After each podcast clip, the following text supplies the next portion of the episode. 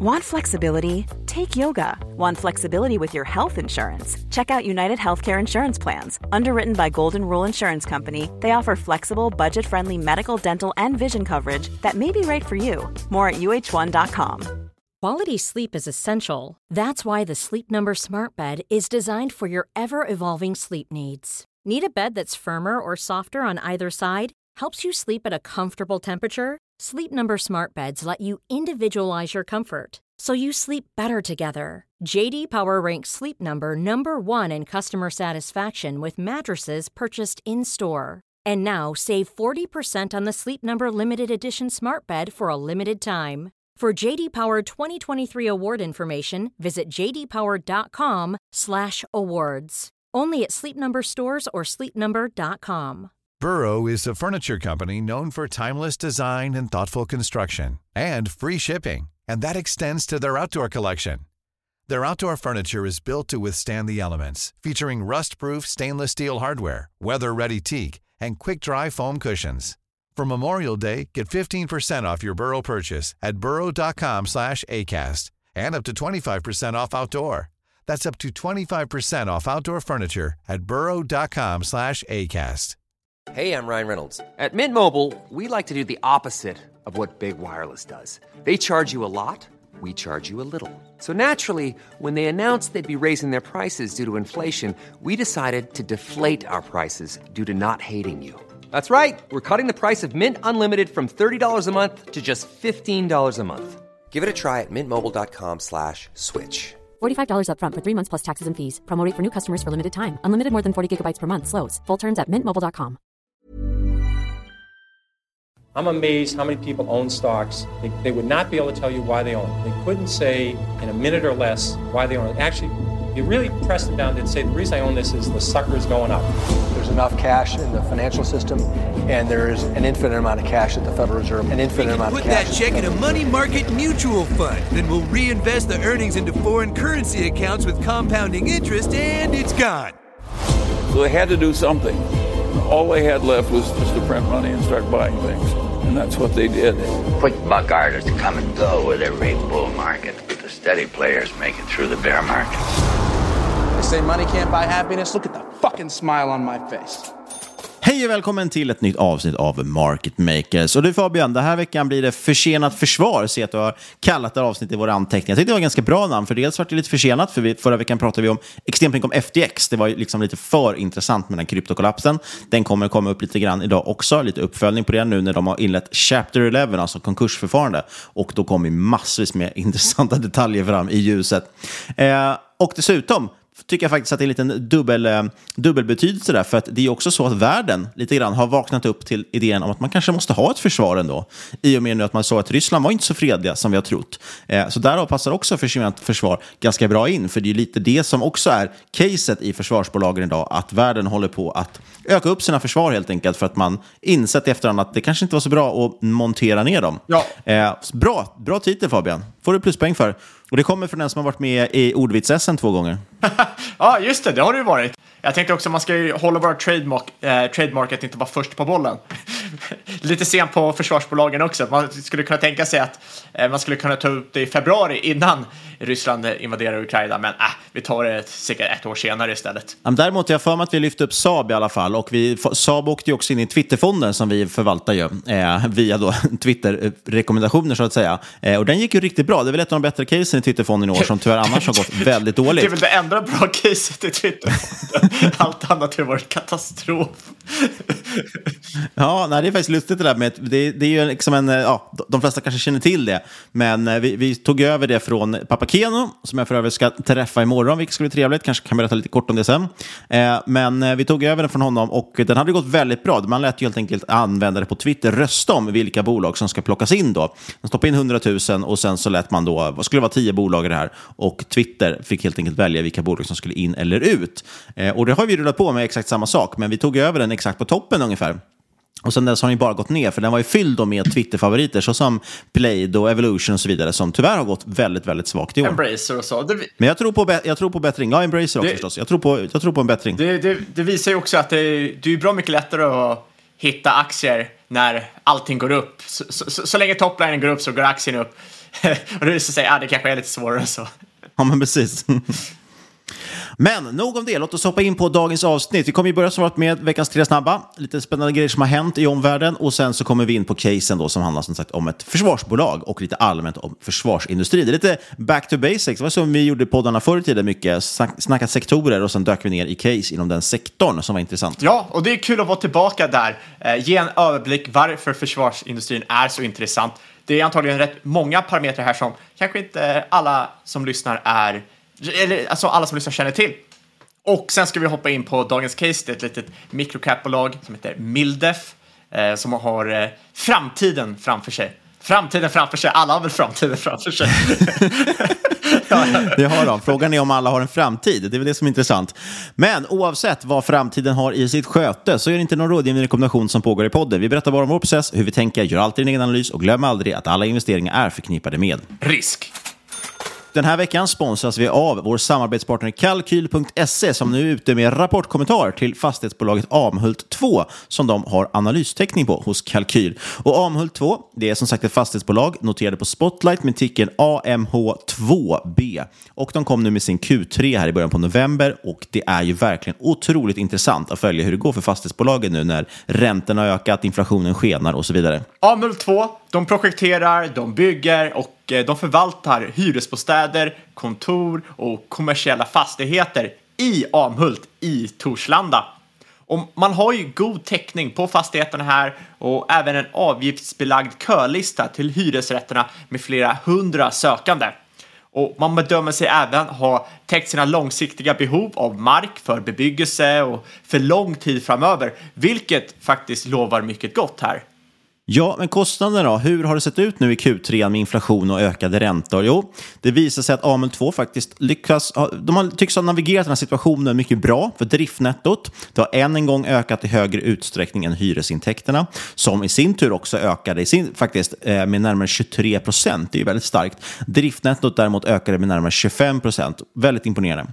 Vinst per aktie ökar med drygt 13 procent och det här ska ställas mot att kostnaderna faktiskt ökade med 15 procent i kvartalet. Så man tycks ju som sagt ha hanterat det här, den här ökade kostnadsmassan på ett bra sätt. Och man ska också väga in där också att Eh, tydligen är det i Q3 framförallt deras eh, eh, personallöner och så brukar revideras upp. Så att eh, det påverkar förstås också att man får lite extra ökade kostnader just Q3. Amhult 2 är ett lite mindre fastighetsbolag. Börsvärdet ligger på under en halv miljard samtidigt som Kalkyl räknar med ett substansvärde på drygt 800 miljoner kronor efter att eh, centrumet i Amhult är färdigställt. Och totalt ger det ett substansvärde på 122 kronor per aktie, vilket kan ställas mot dagens aktiekurs på 64,40. Kalkyl räknar alltså med en uppsida på mellan 30 till 80 procent beroende på hur stor säkerhetsmarginal man vill ha.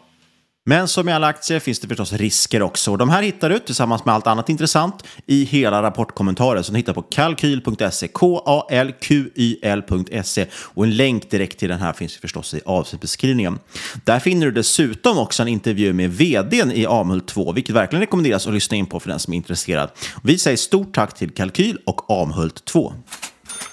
Du, låt oss följa upp lite grann på förra veckan. Då pratade vi om FTX, alltså den här kryptobörsen som total havererade och det dök upp väldigt mycket intressanta detaljer. Nu är det ännu mer. Man har faktiskt tagit in konkurs, advokaternas konkursare. Han som faktiskt ledde konkursutredningen för Enron, en av de största skandalerna i finanshistorien. Eh, och han har ju varit ute nu och kommenterat att eh, FTX, det är faktiskt det värsta han har sett i hela sin karriär. Så det är alltså värre än Enron. Och vi har plockat upp några lite intressanta detaljer i den här. De har ju inlett den här Chapter 11-processen, alltså konkursförfarandet, och då kommer det ju upp då ett första liksom, Ja, man ger ut ett första brev med sina första synpunkter och tankar om konkursen, så som jag har tolkat det.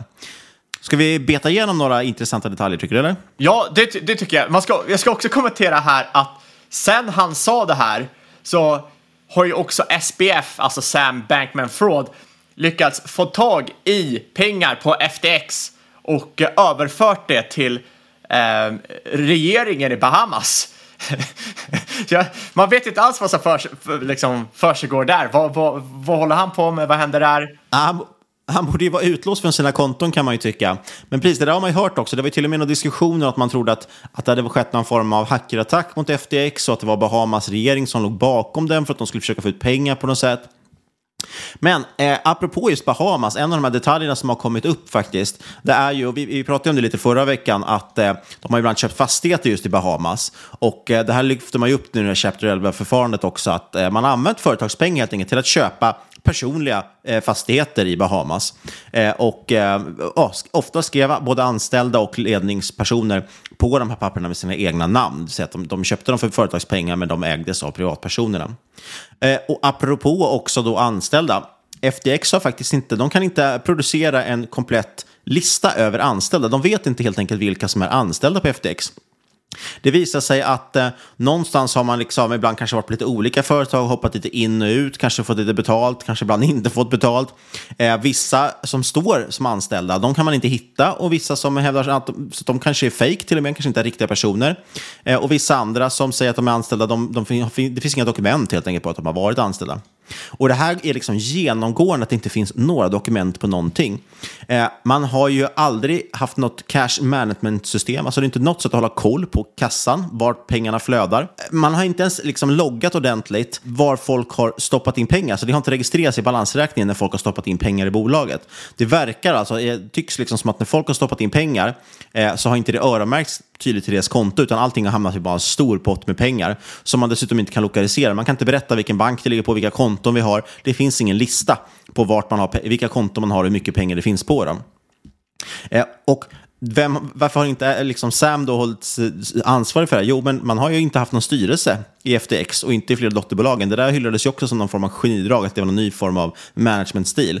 Men de har alltså bara inte haft någon styrelse, de har skitit i det och inte haft några eh, styrelsemöten eh, heller förstås. Ja, så, så ingen som kan hålla de ansvariga heller. Och det har man ju sett i bolaget för att, ja, som vi nämnde för, förra veckan, eh, man, har gett ut personliga lån till Sam Bankman-Fried till exempel på eh, över en miljard dollar. Men inte bara det, man har gett ut det till andra anställda. Eh, personliga lån av ja, rekordet, kundernas pengar. Rekordet hölls för deras eh, engineering-chef som hade fått ut eh, nästan en, en dryg halv miljard dollar i, i personligt lån. Eh, och dessutom så har man just, apropå att inte hålla koll på grejer, eh, väldigt mycket har skötts över chatt helt enkelt. Man har suttit och chattat med varandra, så att till exempel om du hade ett utlägg, då hade du inte något system där du skulle ladda upp det och det skulle sparas ner och godkännas att det är som chef, utan du skickade in det i en random chatt eh, och där kunde man då, man fick en emoji på, någon reagerade på ditt chattmeddelande med en emoji, typ en tummen upp eller något. Då fick du ditt utlägg, det var det betyder att ditt utlägg var godkänt. Eh, väldigt mycket generellt av beslut verkar ha förts över chatt. Och de har ju haft en automatisk rensning på gamla chattmeddelanden. Så att all, alla former av beslut och så, de har ju raderats och finns inte längre loggade. Så en otrolig röra helt enkelt det här bolaget. Och bara Två sista detaljer som jag tycker är lite intressant. Vi pratade ju om Twitter förra veckan och, och Elon Musk och det här med vad ser man för värde i Twitter. Du pratade lite om deras graph. Vi förklarade nog aldrig vad det är för någonting. En graph handlar ju om hur man egentligen kopplar ihop alla användarna på plattformen. Alltså vad har de tillsammans, gemensamt? Eh, och då kan man ju prata om att på Facebook då har man en, en graph som egentligen hänger ihop med att eh, vilka människor känner du i verkligheten? Det är ju de du har connectat med. Så tittar man på mitt konto då kan ju de se vilka personer jag hör ihop med. Eh, och det ser ju de på grund av då att jag, det är de personerna jag liksom säger att jag känner, för jag har träffat dem och då blivit Facebook-vän med dem. På Instagram kan det vara lite liknande. Eh, på LinkedIn så har du ju ändå en, kan man säga, en jobbgraf eller graf där du ser vilka du har jobbat med i din karriär eh, över tid. Och på Twitter, det som är så intressant där, som du var inne på, det är ju att där följer man ju snarare folk på intressen. Du går inte, blir inte medlem på Twitter för att du känner någon som har Twitter, utan du blir medlem där för att du vill följa till exempel folk inom finans då kanske och aktier. Eh, och dessutom är det ju så att Twitter, och det är det jag skulle komma till, det här, vad är värdet i Twitter som Elon Musk säger? Jo, det är ju det här med att Twitter är så otroligt snabba på att rapportera om saker och och faktiskt ha en väldigt hög kvalitet ofta och ett djup i det. Eh, och jag såg bara ett så roligt tydligt exempel på det. En av de bästa källorna just nu för att just följa hela FTX-kollapsen, det är ju ett konto som heter Autism Capital. Och det säger liksom allting om Twitter, att ett konto som heter eh, Autism Capital, det är liksom sopar ju banan med massmedia när det gäller att rapportera om den här kryptokollapsen. Det är knappt skrivs någonting om det här upplever jag i massmedia. Och det som skrivs är ju fluff. Det är liksom sådär, åh men hur lyckades Sam Bankman-Fried förlora så mycket pengar i kryptokraschen? Stackars honom. Stackars eh, Caroline Ellison. eh, som liksom blev lurad in i någon kryptokrasch. Vad fan, det här är jävla fraudsters. Vad håller de här tidningarna på med? Det är helt galet. Ja. Nej, så det, det är otroligt och det är det som är värdet som, sagt, som, som, som finns i Twitter som är ganska intressant. ändå. Ja, de här Autism Capital, de, de pumpar ut så jäkla bra material kring den här FTX-härvan att för, för, för, folk sitter och vet det, sprider rykten om att Autism Capital faktiskt är Sam Bankman-Fried som har ett alternativt konto.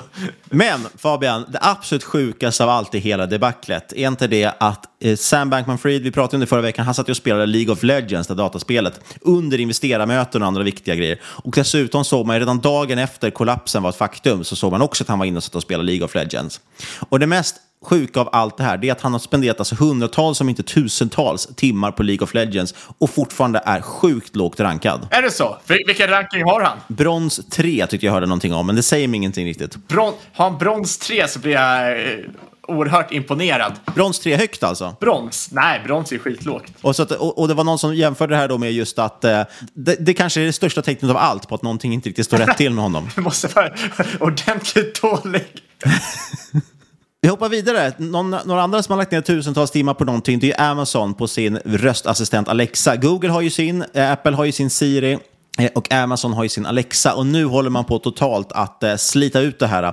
Amazon hade ju jätteproblem här med skenande kostnader, var vi inne på nu när vi pratade om Q3 som kom. Och bland annat en av de grejer som man har förlorat mycket på Eh, är ju bland annat Alexa. Det är deras nu liksom prime target för att sparka folk. Eh, och det är lite spännande att se hur det har utvecklats med andra. Alltså, vi Google har ju också sjukt mycket sådana här projekt som är moonshot projects som de kallar det för. Det vill säga ja, väldigt liksom högt flygande grejer som, som antagligen inte någonsin kommer tjäna pengar. Men man hoppas att kanske en av hundra eller någonting kommer bli en riktig succé och betala av resten av de här betsen. Och Det är lite intressant att se hur det här kommer påverka. Eh, det är dels tråkigt förstås för de som har de produkterna, om det blir så att det, jag tror inte att de kanske kommer lägga ner dem, men det kan ju fortfarande påverka prestandan i dem och hur de utvecklas framåt. Eh, och Det blir spännande att se, det är mycket sådana här grejer som har varit någonstans lite betalda av andra verksamheter som nu kanske inte har råd med och därmed, att det kommer bli en ny värld. Jag minns till exempel, vi fick ju våran Google Home, det fick man ju gratis av Google om man hade varit, jag minns inte om det var YouTube-kund eller om det var Google eller liksom Play-kund eller vad det var, någon form av Google-kund. Om man hade varit ett visst tag, då fick man hem en sån Google Home gratis. Eh, och det är ju någonstans där då att då är man ju själv kanske produkten, är lite tanken. Eh, men det handlar ju också om att just att de ska träna sin AI och göra att den förstår röster bättre och så vidare. Men jag tror att det är en annan typ av värld man får, får kanske räkna med framåt. Den här typen av produkter lär ju vara otroligt mycket dyrare om det inte vore så att de tjänade så mycket pengar på sina andra verksamheter. Och nu när till exempel Amazon inte gör det, ja, då försvinner helt plötsligt eh, lite incitamenten att ha kvar de här produkterna. Ja, jag kan helt förstå varför de skapar Alexa. Eh, Men jämför man till exempel med Meta som får väldigt mycket kritik för att de bränner pengar så kan man i alla fall se liksom, end of the road vad målet är. Ja, deras AI-satsning såklart för att tjäna mer pengar i marknadsföring, det är rätt enkelt att förstå. Men deras metaverse-satsning är såklart att går det rätt i den här eh, moonshoten så kommer de tjäna ohyggligt mycket pengar för att metaverse blir jättestort och så vidare. Men till exempel tar Amazon som öser in massor med pengar i Alexa. What's the goal here? Hur mycket pengar kan du liksom möjligtvis tjäna på ett derivat av Alexa? Eh, jag vet aldrig om det folk faktiskt har suttit och estimerat på det, för jag tror inte att du i slutändan kan tjäna supermycket pengar på det här och då kanske det är helt rätt att stänga ner det. Det känns bara som ett jätteoklart moonshot. Nej, det finns ju ingen jättetydlig synergi kanske. Man kan väl dels prata lite om att de hade ju lite idéer och plan, eller alltså idéer om att just att folk kanske ska använda det till att beställa grejer och det gör säkert att man öppnar kylen, ser att oj, mjölken är slut och då kan man ju direkt säga till Alexa att köp, lägg upp mjölk på inköpslistan. Ja, och man ska direkt liksom då kunna beställa varor till exempel via Alexa så levereras det redan sam, eh, nästa dag via Prime. Sen har de ju också tv-abonnemang, de har ju musik och så vidare. Eh, och det är klart att då även det kan man köra via högtalare. Det gör man ju själv till exempel via Google då. Eh, startar medietjänster och så vidare, vilket är väldigt smidigt. Men det, det är inte alls lika tydlig, tydlig synergi som, som till exempel med Google, där Google har väldigt mycket stor nytta av också att kunna faktiskt analysera rösterna, eh, analysera den liksom talat språk och det kan man sedan översätta i bättre sökningar i sin tur. Jo, men det, a, a, absolut, jag kan förstå det. Men som aktieägare, ja, men ä- aktieägare så tycker jag ändå man ska säga att varje investering ska på något sätt kunna bidra med liksom, en outsized return. Annars, det behöver inte just vara i Alexa med något annat omkringliggande område. Men just här så ser jag inte vart det skulle komma ifrån. Det är kanske för jag som är dum i huvudet. Men jag kan i alla fall se i, jag kan se i Zuckerbergs fall Nej, men jag, jag håller helt med dig. Det är inte alls en så särskilt tydlig uppsida i det. Men, men det var väl det de pratade om från början. Men, men jag tror inte att det ger... Det, det kan inte betala av sig, det har jag väldigt svårt att tro. Nej, det tror jag också. Det kanske är bra att slopa det. Slutligen lite kort och bara allmänt om börsen och positionering. Vad som har hänt sedan tiden. Börsen är fortfarande, tittar man på Stockholmsbörsen till exempel, den är fortfarande ner drygt 10 procent, väl på 14-15 procent någonting. Eh, men senaste månaden har det studsat upp lite, ungefär 10 procent upp. Eh, och det är lite intressant då. Tittar man nu på positioneringen så ser det betydligt det ser lite mindre bullish ut, men samtidigt inte jättebearish kanske. Folk har ju varit väldigt positionerade på ett sånt sätt att man inte har haft väldigt mycket aktier. Det har ju funnits ett väldigt latent köptryck, eller man ska säga, så att folk har velat köpa aktier. Eh, de har haft väldigt mycket cash för sidlinjerna och kunnat handla för.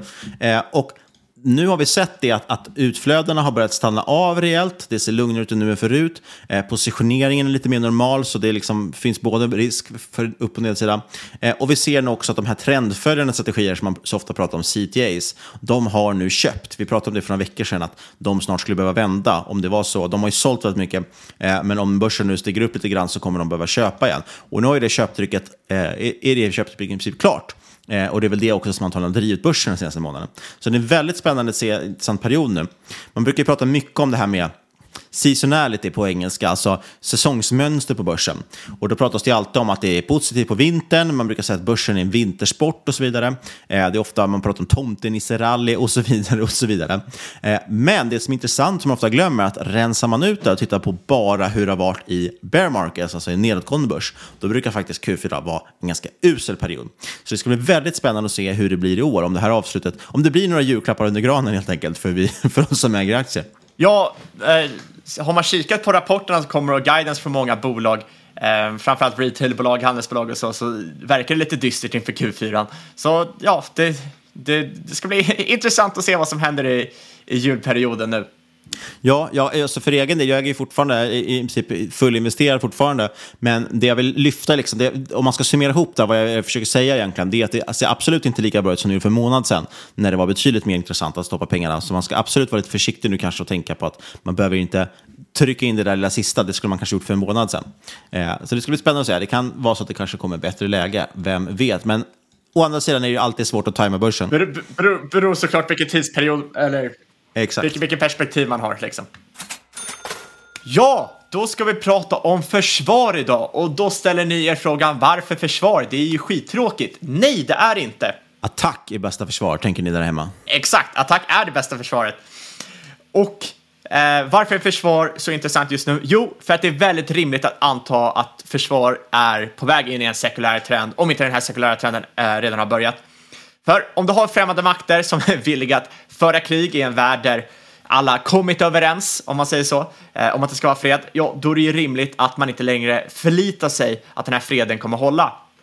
Eh, det är på samma sätt som att eh, många länder nu vill hämta hem produktion på grund av fragiliteten i supply chainen så kommer nog allt fler vilja börja rusta upp sitt egna försvar för att skydda sitt land, skydda sin befolkning, inte lita på det där lite skumma landet med den skumma regeringen eh, och hoppas att de kommer vara schyssta, schyssta killar. Nej, och dessutom tror jag det är lite intressant om man, om man, vi ska prata lite, om man pratar lite outshoring och, och nearshoring och allt vad det heter nu för tiden, just med flytta en produktion, så är det lite intressant. Hela världen, eller västvärlden, har ju varit väldigt beroende av Kina för produktion. Man har ju lejt ut i princip all produktion till Kina och nu flyttar den hem för att man inser att vi kanske inte kan lita på Kina. Det funkar inte alltid.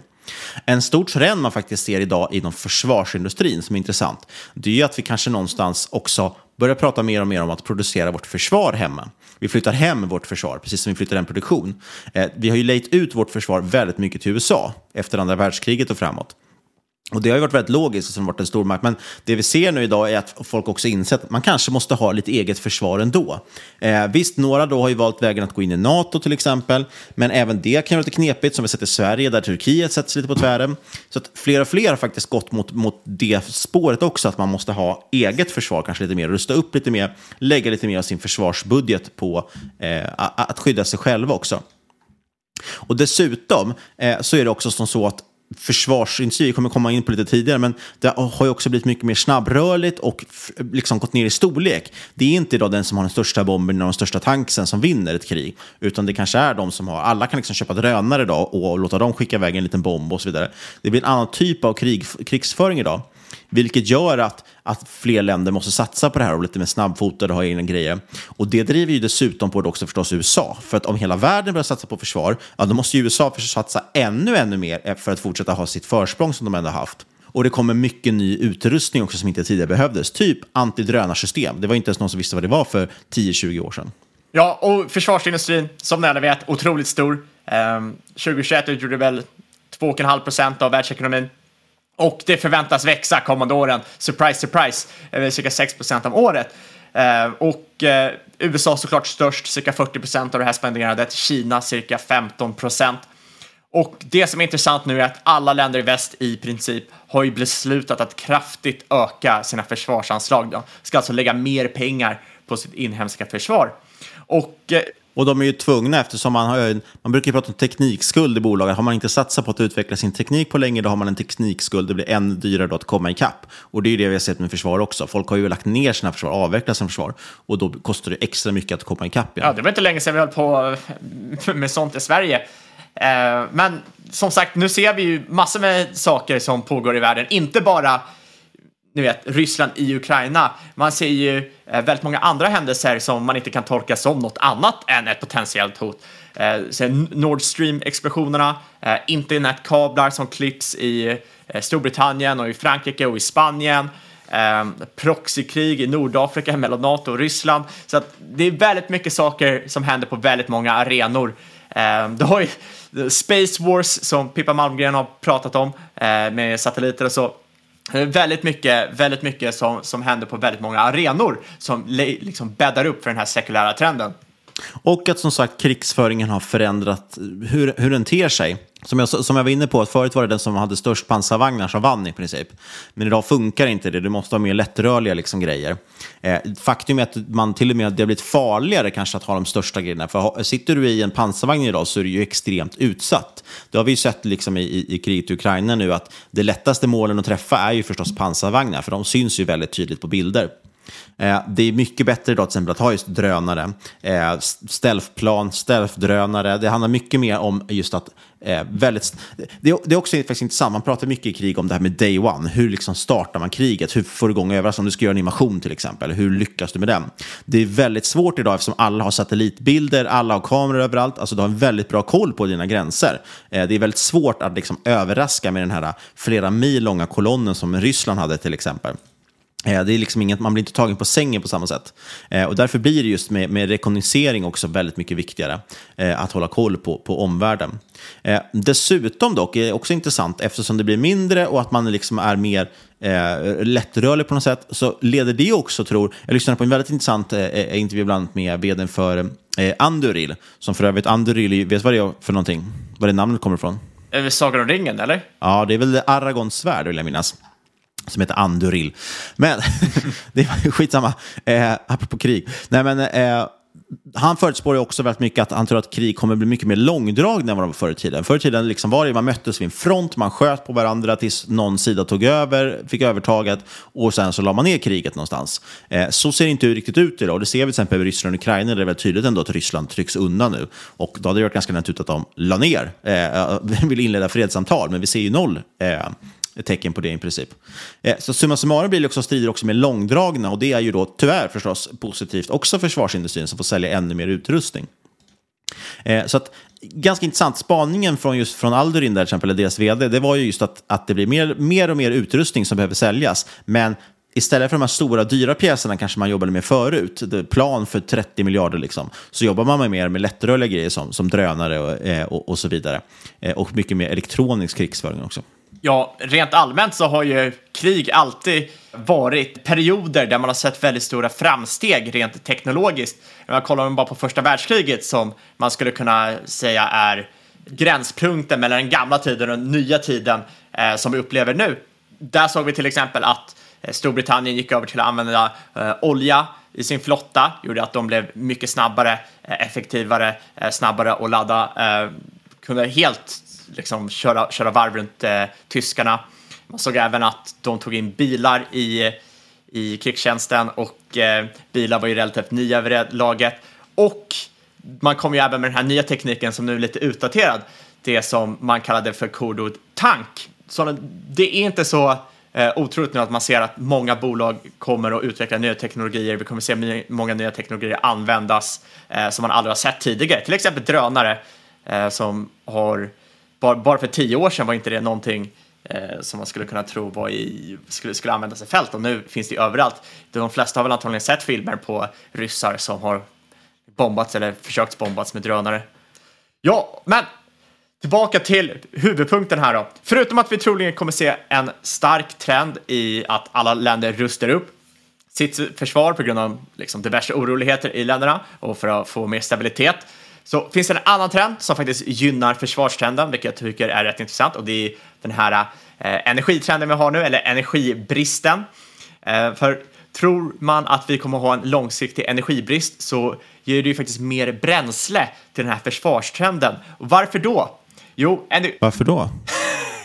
Ja, en- energi, energi är den viktigaste variabeln eh, för ekonomisk välfärd. Vi har pratat om det mycket. Det är många som känner av det nu.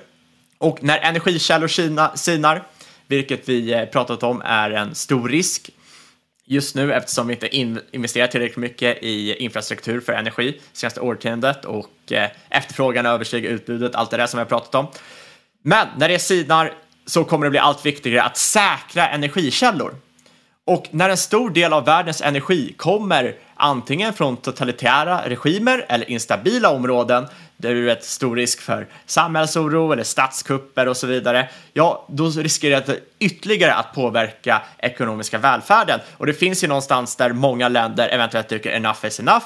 Eftersom energi prissätts på marginalen så innebär det ju att ett litet bortfall eh, riskerar att priser rampas upp rejält. Och det innebär ju att skapa eh, att det skapar globa stora globala problem, eh, större än vad vi liksom redan har. Då är det inte otroligt att se att länder eventuellt rustar upp försvar för att hota, eh, kanske inte direkt ingripa, i alla fall inte just nu, men sätta press på andra länder att bete er nu, ge oss energi. Eh, för energiutbudet vill man inte liksom, don't wanna mess around. Mess around and find out, eller vad är, vad är det man säger? Fuck around and find out. Uh, framförallt så är försvars, försvarsbolag otroligt trevliga i inflationstider då försvarsutgiften som procent av BNP tenderar att öka, vilket innebär också att reella vinster tenderar att stiga snabbare än inflationen. Och vad innebär det här? Jo, att medan andra sektorer ser fallande PI, alltså PI-kontraktion, så kan försvarsbolag snarare gå motsatta hållet. Vi ser eh, PE-expansion och stigande vinster. Och det här är något man såg i slutet på 70-talet då inflationen steg men försvarsindustrin höll sig stark. Och det här innebär alltså att man har tre stora trender med sig i ryggen för försvarsindustrin. Du har ju upprustningen, du har energikrisen och inflationen. Och den första är ju såklart den viktigaste variabeln i det här hela och de andra två eldar på här. Men även om de andra två skulle försvinna imorgon, vi skulle liksom magiskt sett lösa energikrisen och inflationen snabbare än vi hade trott, så är det väldigt, väldigt svårt att se att länder helt plötsligt skulle välja att inte rusta upp sitt försvar igen eh, i och med det som hänt med Ryssland, i och med de ökade spänningarna med Kina och så vidare. Och det som är intressant med försvar är att det dels är en sektor som tenderar att överavkasta långsiktigt, framförallt i riskjusterade termer, vilket antagligen är rätt lockande för många som lyssnar just nu med tanke på året som har varit i väldigt volatila tider. I år har till exempel MSCI World Aerospace and Defense Index gått upp cirka 6% på året ja, per slutet på oktober, så att jag tar inte hänsyn till november här. Dessutom, man, man ska inte sticka under stolen heller med att de här idiotförvaltarna som sålde, sålde ut sig försvarsbolagen för något år sedan är tillbaka och slickar såren och köper upp de här bolagen igen, vilket kan ge ett eh, eh fint litet eh, E-, expansion i värderingarna. Men rent allmänt så är det ju en sektor, de breda vallgravar, otroligt svårt att ta sig in. När du är inne är du inne. Det är stabila vinster för att det är otroligt långa kontrakt som gäller. Det är hög kvalitet på de här bolagen för att ingen liksom, stat eller något bolag som håller på med försvar vill sitta och jobba med oseriösa bolag. Eh, och som sagt relativt låg volatilitet i industrin. Och de som etablerar sig, de har eh, otroligt stark ställning gentemot nya aktörer. Eh, så att när, som sagt, när du är inne är du inne. Eh, otroligt svårt att liksom bli utkonkurrerad eh, i ditt område. Och framförallt de här långa kontraktstiderna, vad gör det? Jo, det ger ju säkerhet i kassaflödena, vilket såklart påverkar volatiliteten i bolaget.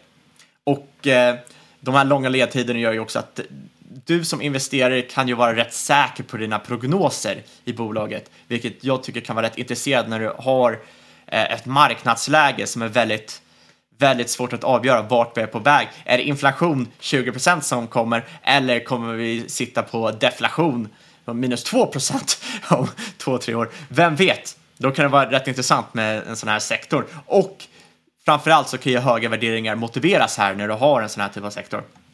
Eh, det där är dock en intressant spaning där igen från den här eh, Alduin, då, eh, Anduril, förlåt, eh, deras vd. Han pratar faktiskt lite om det nu pratar han förstås lite egen bok, för de är ett lit, en liten försvarsstartup. Men han pratar lite om det dock, att han upplever att eh, försvarsvärlden går mer och mer mot kanske kortare kontrakt och kortare ledtider och mer snabbrörligt. Vilket ju är rimligt om det är så att också utrustningen minskar i storlek, då blir det lättare. Men jag tror också det handlar lite om att någonstans, precis som bilindustrin lite grann tack vare Tesla, går mer mot att mjukvaran blir väldigt viktig, hårdvaran är ungefär densamma. Liksom. Och så kommer ju också liksom Silicon Valley-tänket och mjukvarufilosofier som liksom agilt arbete och sånt också in i, i andra industrier, till exempel försvarsindustrin. Och det här är intressant, för det här har gått dock lite i cykler också. Tittar vi tillbaka lite längre, tillbaka typ till 50-60-talet, eh, då gick det också ganska fort inom till exempel försvarsindustrin. Eh, dels såklart NASA så var väldigt snabbjobbade och kunde ganska fort få upp en raket i månen och så vidare. Men vi hade också Pentagon som exempel. Det var världens största kontorsbyggnad vid den tiden. Det tog ett år att bygga och färdigställa. Det är ganska snabbt jobbat jämfört med hur saker och ting går idag. Vi kan ta som jämförelse Nya Karolinska.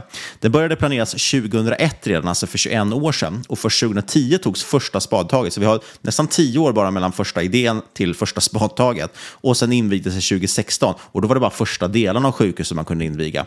Så det tog alltså sex år istället att bygga. Och du kan inte bygga någonting på ett år idag. Du kan bygga ett garage på ett år idag. Men det intressanta är liksom med, med tack vare nu, eh, för det har haft så mycket byråkrati och allting också runt omkring som har byggts upp och så mycket försvarsdel, alltså säkerhet och så vidare som ska in och, och, och hantera det här. Och väldigt mycket liksom mellanlager av folk.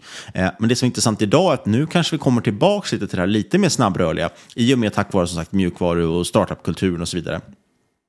Det är ju dels till exempel hela hemligheten bakom SpaceX, apropå Elon Musk eh, och, och, Tesla och så vidare. SpaceX har ju liksom varit extremt framgångsrika just för att de är snabbjobbade, de använder enklare komponenter, de har insett att man kanske behöver inte betala tusen kronor per skruv eller någonting för att den ska vara rymdtestad, utan du kan lita på att en skruv faktiskt håller idag, eh, för att kvaliteten på allting har gått upp. Liksom. Så de har ju klarat sig väldigt bra på det. Och sent 70 Just den här inbromsningen i, i produktivitet, den kom ju någonstans runt 70-talet. Då började industrin sakta ner eh, när kostnadskontroll och byråkrati och så vidare kröp in i, i väggarna. Och det blev mer fokus kanske på process framför innovation. Eh, dessutom inom just försvarsindustrin också, eh, så blev ju kanske ännu mer påverkat under 90-talet. Eh, då var det, skedde det ju en middag i USA som ibland kallas för den sista måltiden. måltiden där man samlade ihop 50 stycken försvarsföretag. Eh, USAs försvarsminister samlade ihop dem vid ett bord och så sa han rakt ut att nu är det dags för konsolidering i den här branschen. Ni får reda ut vem som ska köpa vem. Och det här ledde då till ett årtionde där några få företag, Lockheed Martin, Raytheon till exempel, för att nämna några börsnoterade, blev typ de enda som kvarstod. Så det var ett gäng stora konglomerat som fick köpa upp resten av bolagen. Och det gör ju förstås också dels att de har ett helt annat, haft ett helt annat grepp på försvarsindustrin, men också att saker har gått långsammare för det blir större organisationer och mer, mer trögrörligt helt enkelt. Eh, och på de här företagen handlar det om att liksom plöja ner en miljard och, och 30 år på att ta fram ett flygplan.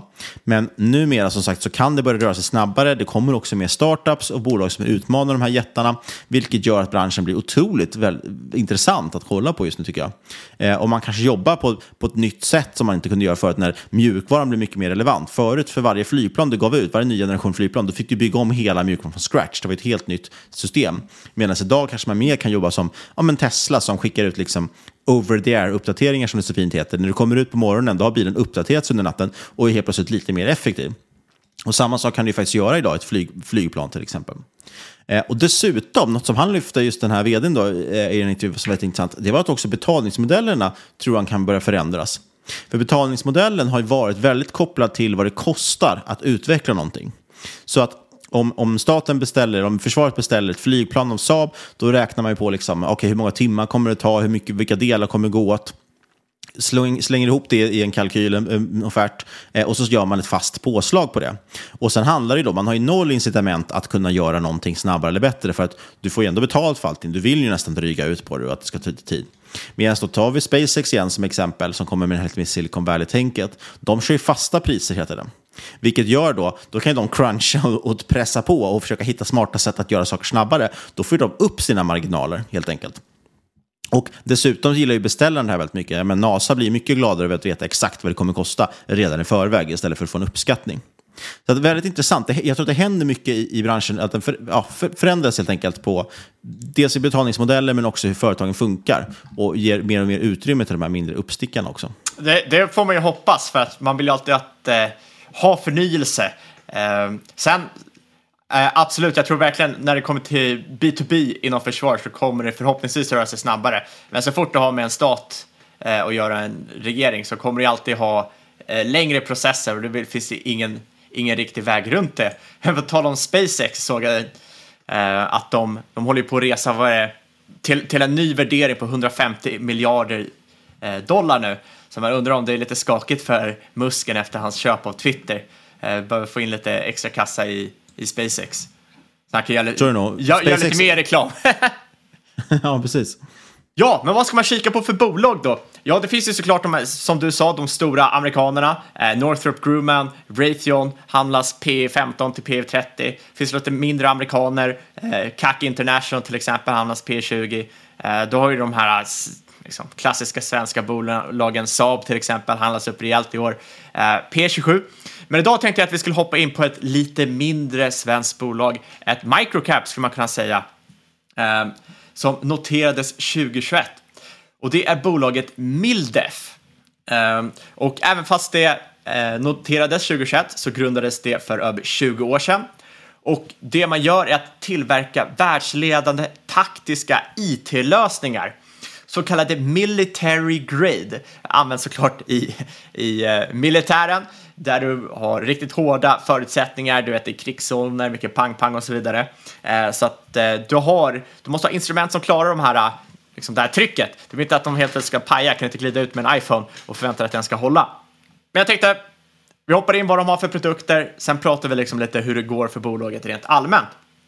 Så de har tre ben de står på. Det är hårdvara, det är mjukvara och det är tjänster. Services, det är så populärt nu för tiden.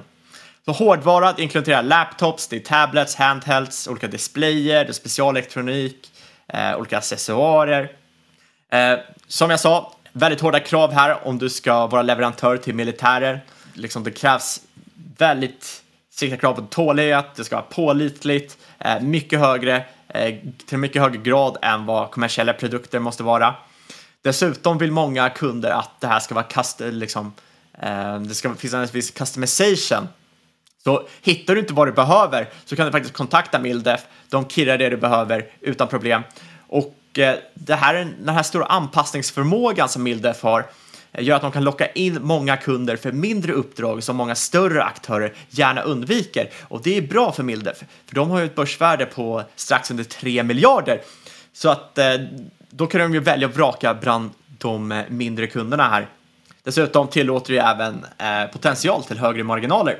Det man ska påpeka här när det kommer till hårdvaran är att Mildef endast satsar på slutmontering. Därmed är de relativt asset light. Tillverkningen sker i Asien. Sen Kommer det till Sverige, slutmontering, man gör testing och sen skickar man vidare till kunden. Sen har man mjukvara, så kallad Mildef One Sys. Det till, tillåter rapid deployment of IT services at the tactical edge. Och det tyckte jag låter riktigt alfa, så jag köper bara på det. uh, men det är i alla fall en integrationsportal för mjukvara uh, som man deployar applikationer, tjänster. Uh, de ska vara väldigt pålitliga, väldigt effektiva och de möter NATOs säkerhetskrav. Och det här är alltså kommunikationslösningar, positioneringslösningar, man har infrastrukturslösningar, brandväggar, diverse verktyg som behövs i fält. Uh, och i liksom Egentligen handlar det i stort sett, du har en USB-sticka, du kopplar in den i din dator eller vad du behöver installera och så installeras allting du behöver till liksom, det uppdraget du har utan problem. Uh, och de här interaktionerna och customizations uh, betalas Eh, per kontrakt. Du får en licens, licensen räcker cirka 3 5 år och eh, så har du en eh, årlig maintenance fee på 20% av licensen.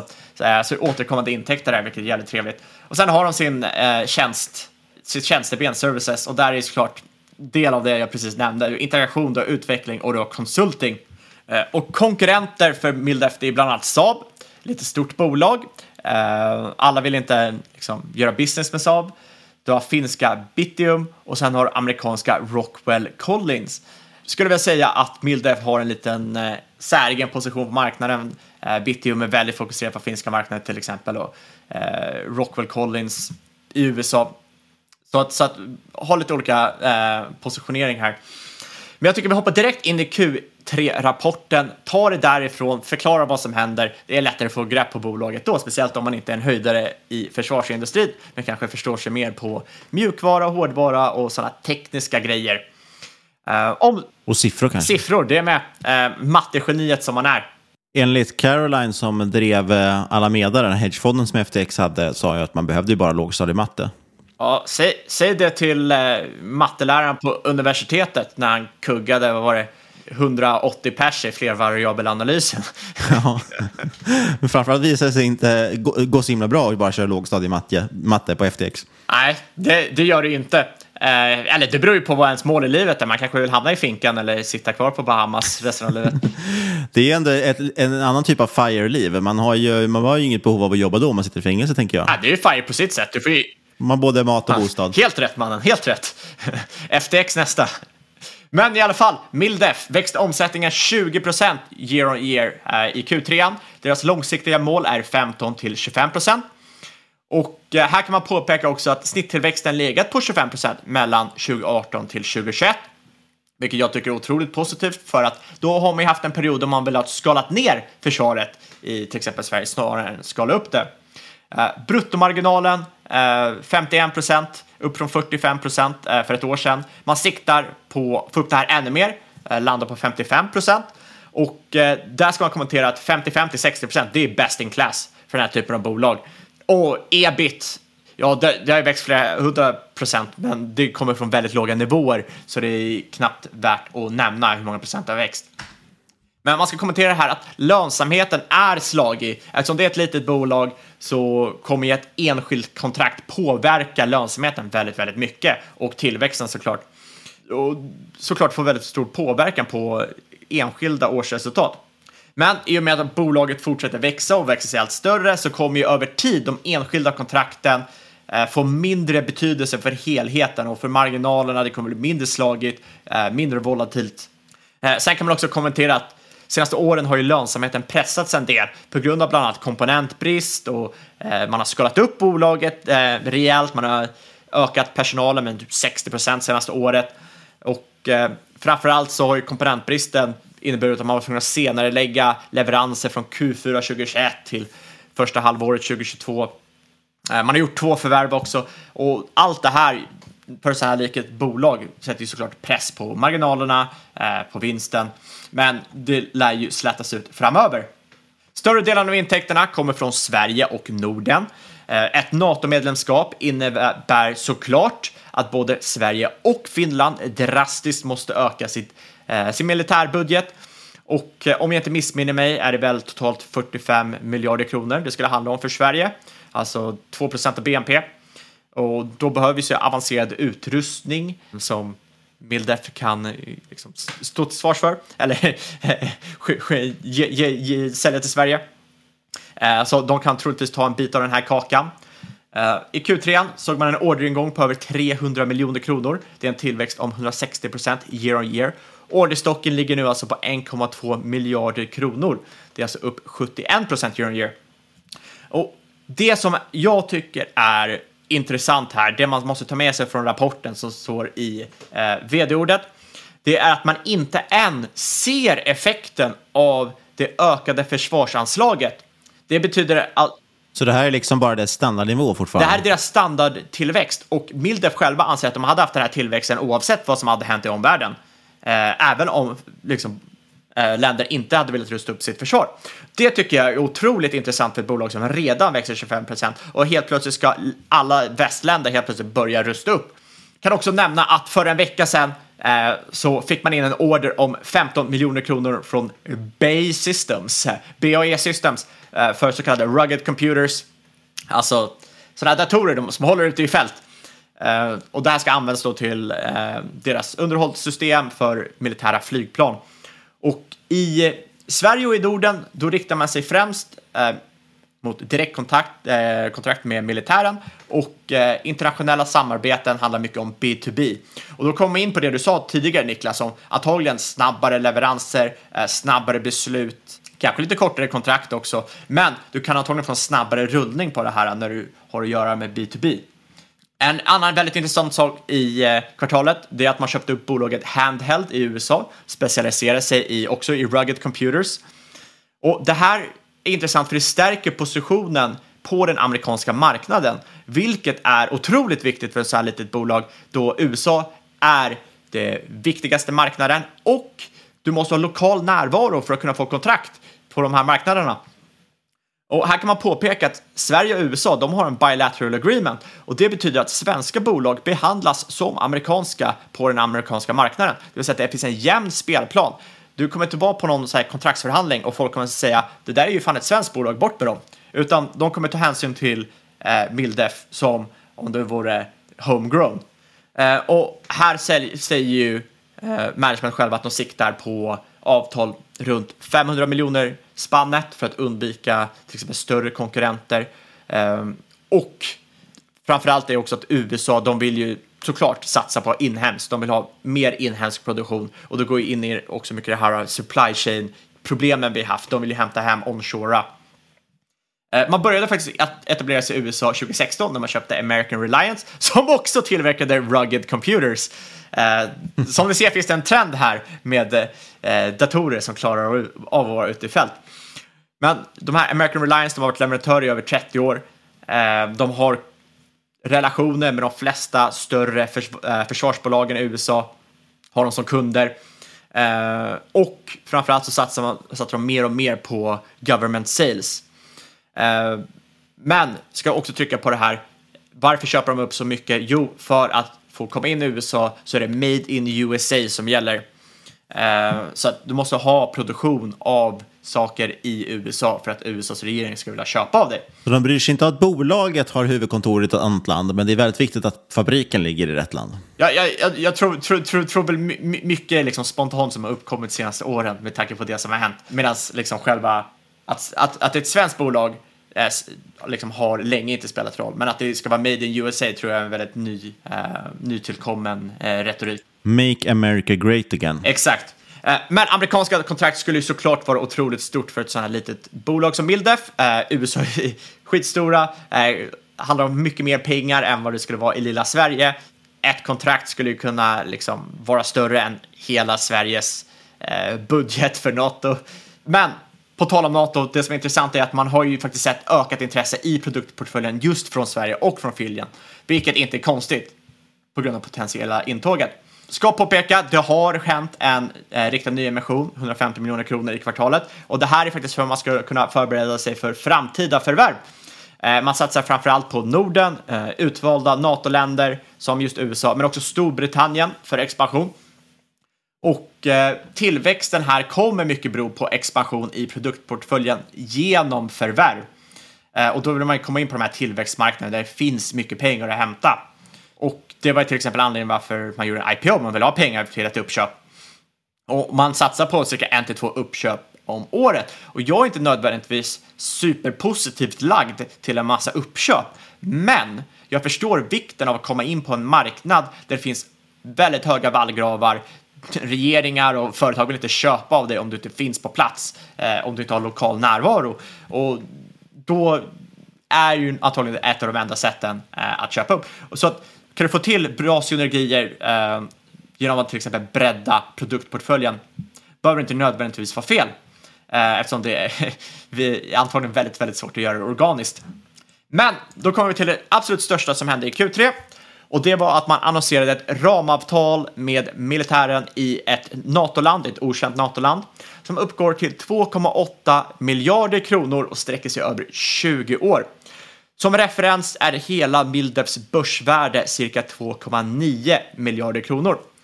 Eh, så det här kontraktet är ju liksom hela Mildefs börsvärde. Men det visar ju också att kunder litar på Mildefs teknik långsiktigt. De vill ha långa kontrakt. Eh, och framförallt ger det oss investerare en hint om säkerheten de kan få i sina kassaflöden framöver. Kikar man lite på management, eh, vilket jag tycker är otroligt intressant här, speciellt som en turist som investerare. Jag har inte varit så mycket inne i försvarsindustrin tidigare. Många har väldigt lång erfarenhet av eh, försvarsindustrin. Dessutom är det väldigt fin pilotskola som sker här i bolaget. VD Björn Karlsson äger 5% av aktierna, CFO Björn Karlsson 4,5% Du har Svolder som näst största ägare med över 7% av kapitalet. Största ägaren är taiwanesiska Mildef Crete. Eh, lik, liknande namn, vilket är väldigt intressant. Men de här taiwaneserna, de har cirka 11 procent av aktierna. Eh, och det är värt att påpeka här också att det här är Mildefs största leverantör av produkter och har varit det sedan start för cirka 20 år sedan. Eh, produkterna slutmonteras och testas som sagt i Sverige och tas in då från, från eh, Taiwan. Uh, Crete har också partners och ägandeskap i till exempel Tyskland, uh, vilket gör att Mildef inte kan gå in i till exempel Tyskland med eh, uh, Cretes eh, produkter. Därför kan man ju se till exempel uppköpet av Handheld vara en väg runt det här, att man kan bredda portföljen in i marknader där man liksom, tidigare har varit lite spärrad.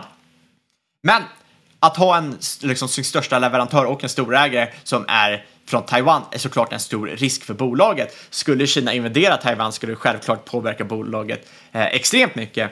Worst case scenario så tror bolaget att det kan innebära ett typ 6 till 9 månaders stopp på produktionen. Eh, ett stort problem för dem är också att många suppliers finns också i Taiwan och Kina. Man försöker såklart hitta alternativ till det här hela tiden, men det är faktum. Det är där så världen ser ut just nu.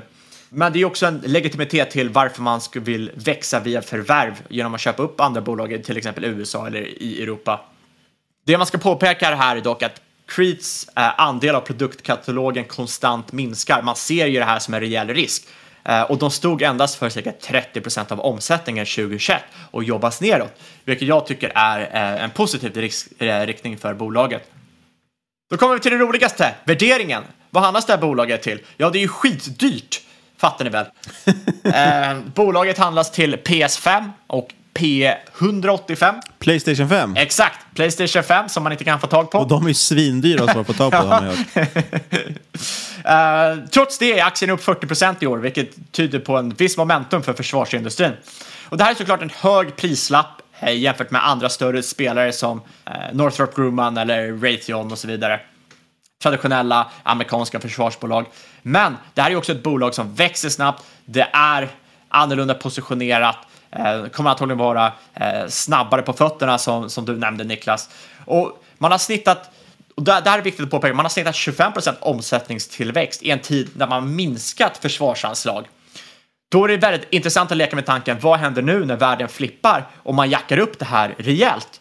Det blir rätt intressant att leka runt med kalkyler här Eh, speciellt om Sverige ska öka med typ 50 procent årligen kommande fem åren för att liksom nå sina NATO-mål. Eh, innebär det att det här 25 procent som bolaget guidar för eventuellt är för konservativt? Jag tror eventuellt det. Jämför man bara med den här eh, stororder man fick in, visst över 20 år, men det är 2,8 miljoner kronor. Det är hela deras börsvärde i en order. Eh, liksom, kan, kan man få in kan man få in, få in fler sådana, ja då, då är det ju helt galen tillväxt man kan se här framöver. Och efterfrågan lär ju bara öka för ett sånt här bolag eh, och som sagt, man har inte ens sett effekterna av det ökade anslaget än. Men skiter man i det, kollar man konservativt, 25 omsättningstillväxt eh, och aningen förbättrade marginaler så hamnar man ju på ett P runt 25-30 per 2025. Och då kan man ställa sig frågan, är det här rimligt? Eh, jag tycker att det, det, det, är relativt rimligt. Det skulle innebära ett eh, eh, PEG på 1, om jag inte är jättedålig på huvudmatte här. Vi får skicka det till våra analytiker hos eh, FTX. de räknar på det, så vi får en ordentlig beräkning. Jag tycker i alla fall att det är ett eh, intressant bet för de som vill ta del av försvarsindustrin, men inrikta sig mer mot microcap, där jag tror att många retail eh, investerare borde liksom lägga fokus snarare än att köpa de stora jättarna. Och eh, också viktigt här att påpeka att jag tror att marginalerna eh, lär vara sekundära här. Jag tror att man kommer satsa väldigt, väldigt hårt på tillväxten i och med de stora möjligheterna som finns framöver. Ja, också väldigt roligt faktiskt med ett, ett svenskt bolag. Eh, även om jag inte vet hur mycket man, man liksom lägger in det i kalkylen, men det känns ju ändå intressant att eh, på något sätt vara med lite i den svenska försvarsindustrin och inte då köpa Saab kanske bara. Ja, det, det var lite så jag tänkte. Ska man sitta och lyfta något, ett till amerikanskt bolag och även microcaps i bolag sitter ju och handlar på liksom 100 miljarder kronor. Så att det, det är bara så mycket större marknad. Det är inte roligare att sitta och kolla lite på svenskt. Make Sweden great again. Och med de bevingade orden så är dagens avsnitt slut. Och som vanligt ska vi påpeka att det inte är någon rådgivande rekommendation som pågår. Alla åsikter, värderingar och gäst och eventuella sponsorer tar inget ansvar för det som sägs i podden. Tänk bara att investeringar är förknippade med risk och sker under eget ansvar. Ja, och som vanligt innehållsförteckning. Jag äger ingen Mildef, det är ett väldigt litet bolag. Jag tänkte att ska jag ta en position så vill jag inte göra det innan podden. Vi vill rikta ett stort tack till veckans sponsor, Kalkyl.se. Gå in där och läs rapportkommentaren på Amhult 2, ett spännande fastighetsbolag. Du får jättegärna också kontakta oss förstås på podcast.marketmakers.se eller på Twitter och aktier där vi båda där vi går under namnet Market Makers Podd. Lämna också jättegärna en recension på iTunes och sist men absolut inte minst, stort tack kära lyssnare för att just du har lyssnat. Vi hörs igen om en vecka.